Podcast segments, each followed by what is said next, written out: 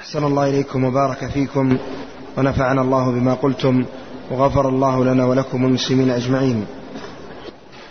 هذا السائل يقول ما هو الفرق بين طاعة الرسول صلى الله عليه وسلم فيما أمر وبين أن لا يعبد الله إلا بما شرع؟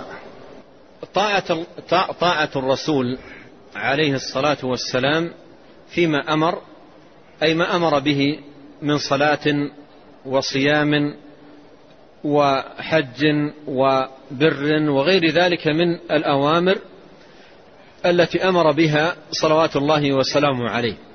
وقوله ألا يعبد الله إلا بما شرع أي أن يكون امتثال الأمر والاتباع للنبي صلى الله عليه وسلم والقيام بالعبادة والطاعة وفق شرعه لا بالأهواء والبدع. وقد قال عليه الصلاة والسلام من عمل عملا ليس عليه أمرنا فهو رد أي مردود على صاحبه غير مقبول منه. فمن استجاب وأخلص ورغب في طاعة الرسول عليه الصلاة والسلام ولكنه آآ آآ مال إلى أعمال يتقرب بها إلى الله لم يشرعها الرسول عليه الصلاة والسلام فعبادته باطلة وعمله مردود. نعم. أيضا سأل يقول هل أردد خلف المؤذن إذا أقام, إذا أقام الصلاة؟ إذا سمعتم يقول عليه الصلاة والسلام إذا سمعتم المؤذن فقولوا مثل ما يقول. وهذا يتناول الأذان والإقامة. يتناول الأذان والإقامة. إذا سمعت المؤذن تقول مثل ما يقول المؤذن. وفي الأذان والإقامة إذا قال حي على الصلاة حي على الفلاح جاءت السنة بأن المشروع في هذا الموضع أن يقول لا حول ولا قوة إلا بالله.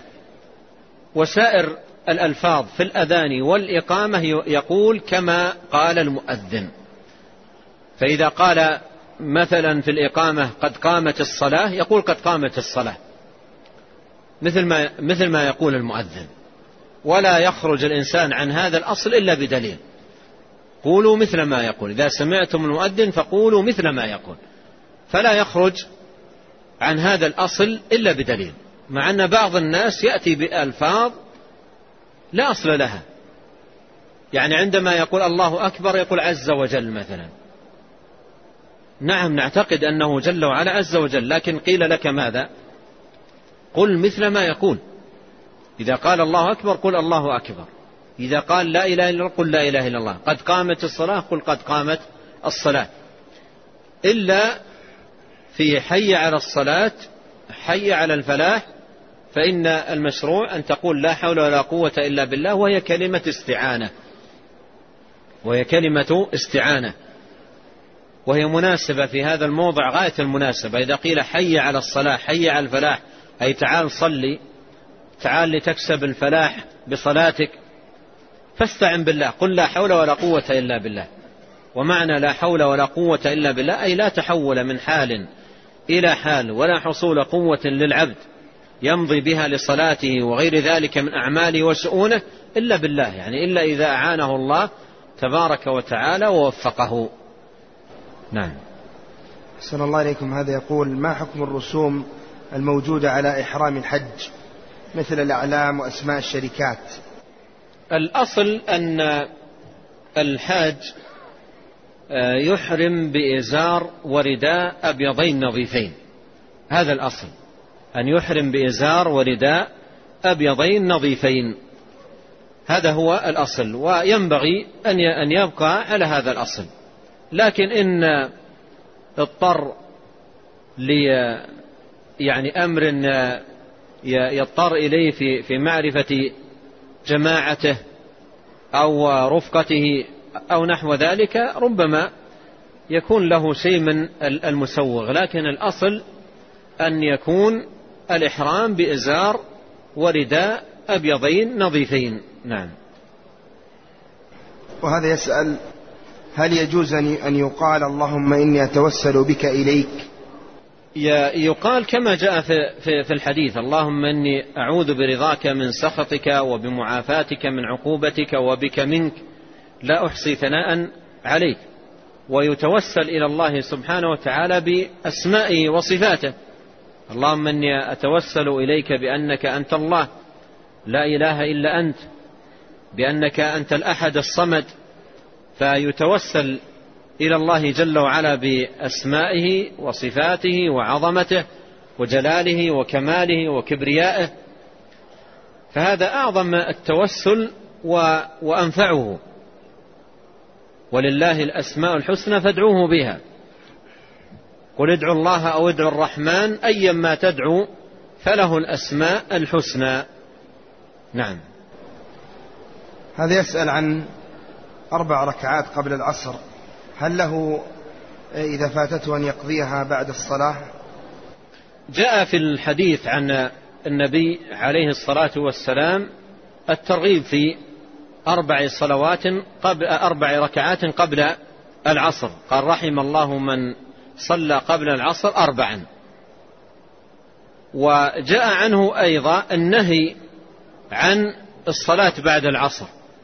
النهي عن الصلاة بعد العصر إلى أن تغرب الشمس. لا صلاة بعد العصر حتى تغرب الشمس. ولهذا لا, لا تصلى. إذا فاتت الإنسان قبل العصر لا يصليها. لا لا يصليها. وقضاء الراتبة آه، بعد العصر. فعله النبي صلى الله عليه وسلم مرة وهو من خصوصياته كما بين ذلك أهل العلم. والأصل أن الإنسان لا يصلي إلا ذوات الأسباب. يعني مثل دخل المسجد فلا يجلس حتى يصلي ركعتين. إذا دخل أحدكم المسجد فلا يجلس حتى يصلي ركعتين. ذوات الأسباب تصلى. أما مطلق التنفل وصلاة الراتبة أو, أو قضاء صلاة الراتبة أو نحو ذلك فهذا كله لا يفعل بعد العصر لنهي النبي صلى الله عليه وسلم عن ذلك. أحسن الله إليكم. يقول يشترط بعض أهل العلم لبقاء المسلم في بلد الكفر والشرك أن يستطيع إظهار دينه. وحقيقة ما المراد بإظهار الدين؟ هل يكفي إقامة الصلاة وبقية أركان الإسلام علما بأن في أكثر بلد الكفر يمنع ببعض الشرائع مثل الأذان؟ ذهاب ذهاب الإنسان من بلد الإسلام إلى بلاد الكفر الأصل فيه المنع. ويجوز كما بين أهل العلم إذا كان هناك ضرورة. وقد ذكر العلماء رحمهم الله لهذا الذهاب لهذا الذهاب شروطا ثلاثة. ذكروا لهذا الذهاب شروطا ثلاثة.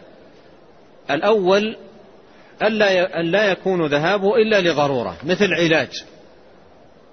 لما يتيسر له أو لم يتهيأ أو علاج يحتاج إليه لمرض به. أو ذهب مثلا لدراسة علم من العلوم الدنيوية التي يحتاج إليها في بلاده. فمثل هذه الحالات يجوز له أن يذهب إذا كان هناك ضرورة أولا للذهاب والأمر الثاني أن يكون عنده دين أن يكون عنده دين يحميه من الشبهات لأنه إذا ذهب أن يكون عنده دين يحميه من الشهوات لأنه إذا ذهب إلى ديار الكفر فهو عرضة للفساد والضياع. واتباع الشهوات. والأمر الثالث أن يكون عنده علم يحميه من الشبهات لأن في ديار الكفر ستلقى عليه الشبهات ويغسل عقله ودماغه وفكره ويلقى فيه أنواع من الضلال والانحراف. فإذا كان الأمر الذي يذهب لأجله أمرا ضروريا ويكون في حدود يعني بقاء في حدود هذه الضرورة وأن يكون عنده دين يحميه من الشهوات وعنده علم يحميه بإذن الله من الشبهات فهذا ففي هذه الحالة يجوز. أما أن يبقى الإنسان مخاطرا بنفسه ومخاطرا بأهله ومخاطرا بولده فهذا عرضة لهذا الوعيد الشديد الذي مر معنا في الآية الكريمة التي أوردها المصنف رحمه الله تعالى وغفر له. ونكتفي بهذا القدر والله تعالى أعلم. صلى الله وسلم على عبد الله ورسوله نبينا محمد وآله وصحبه أجمعين.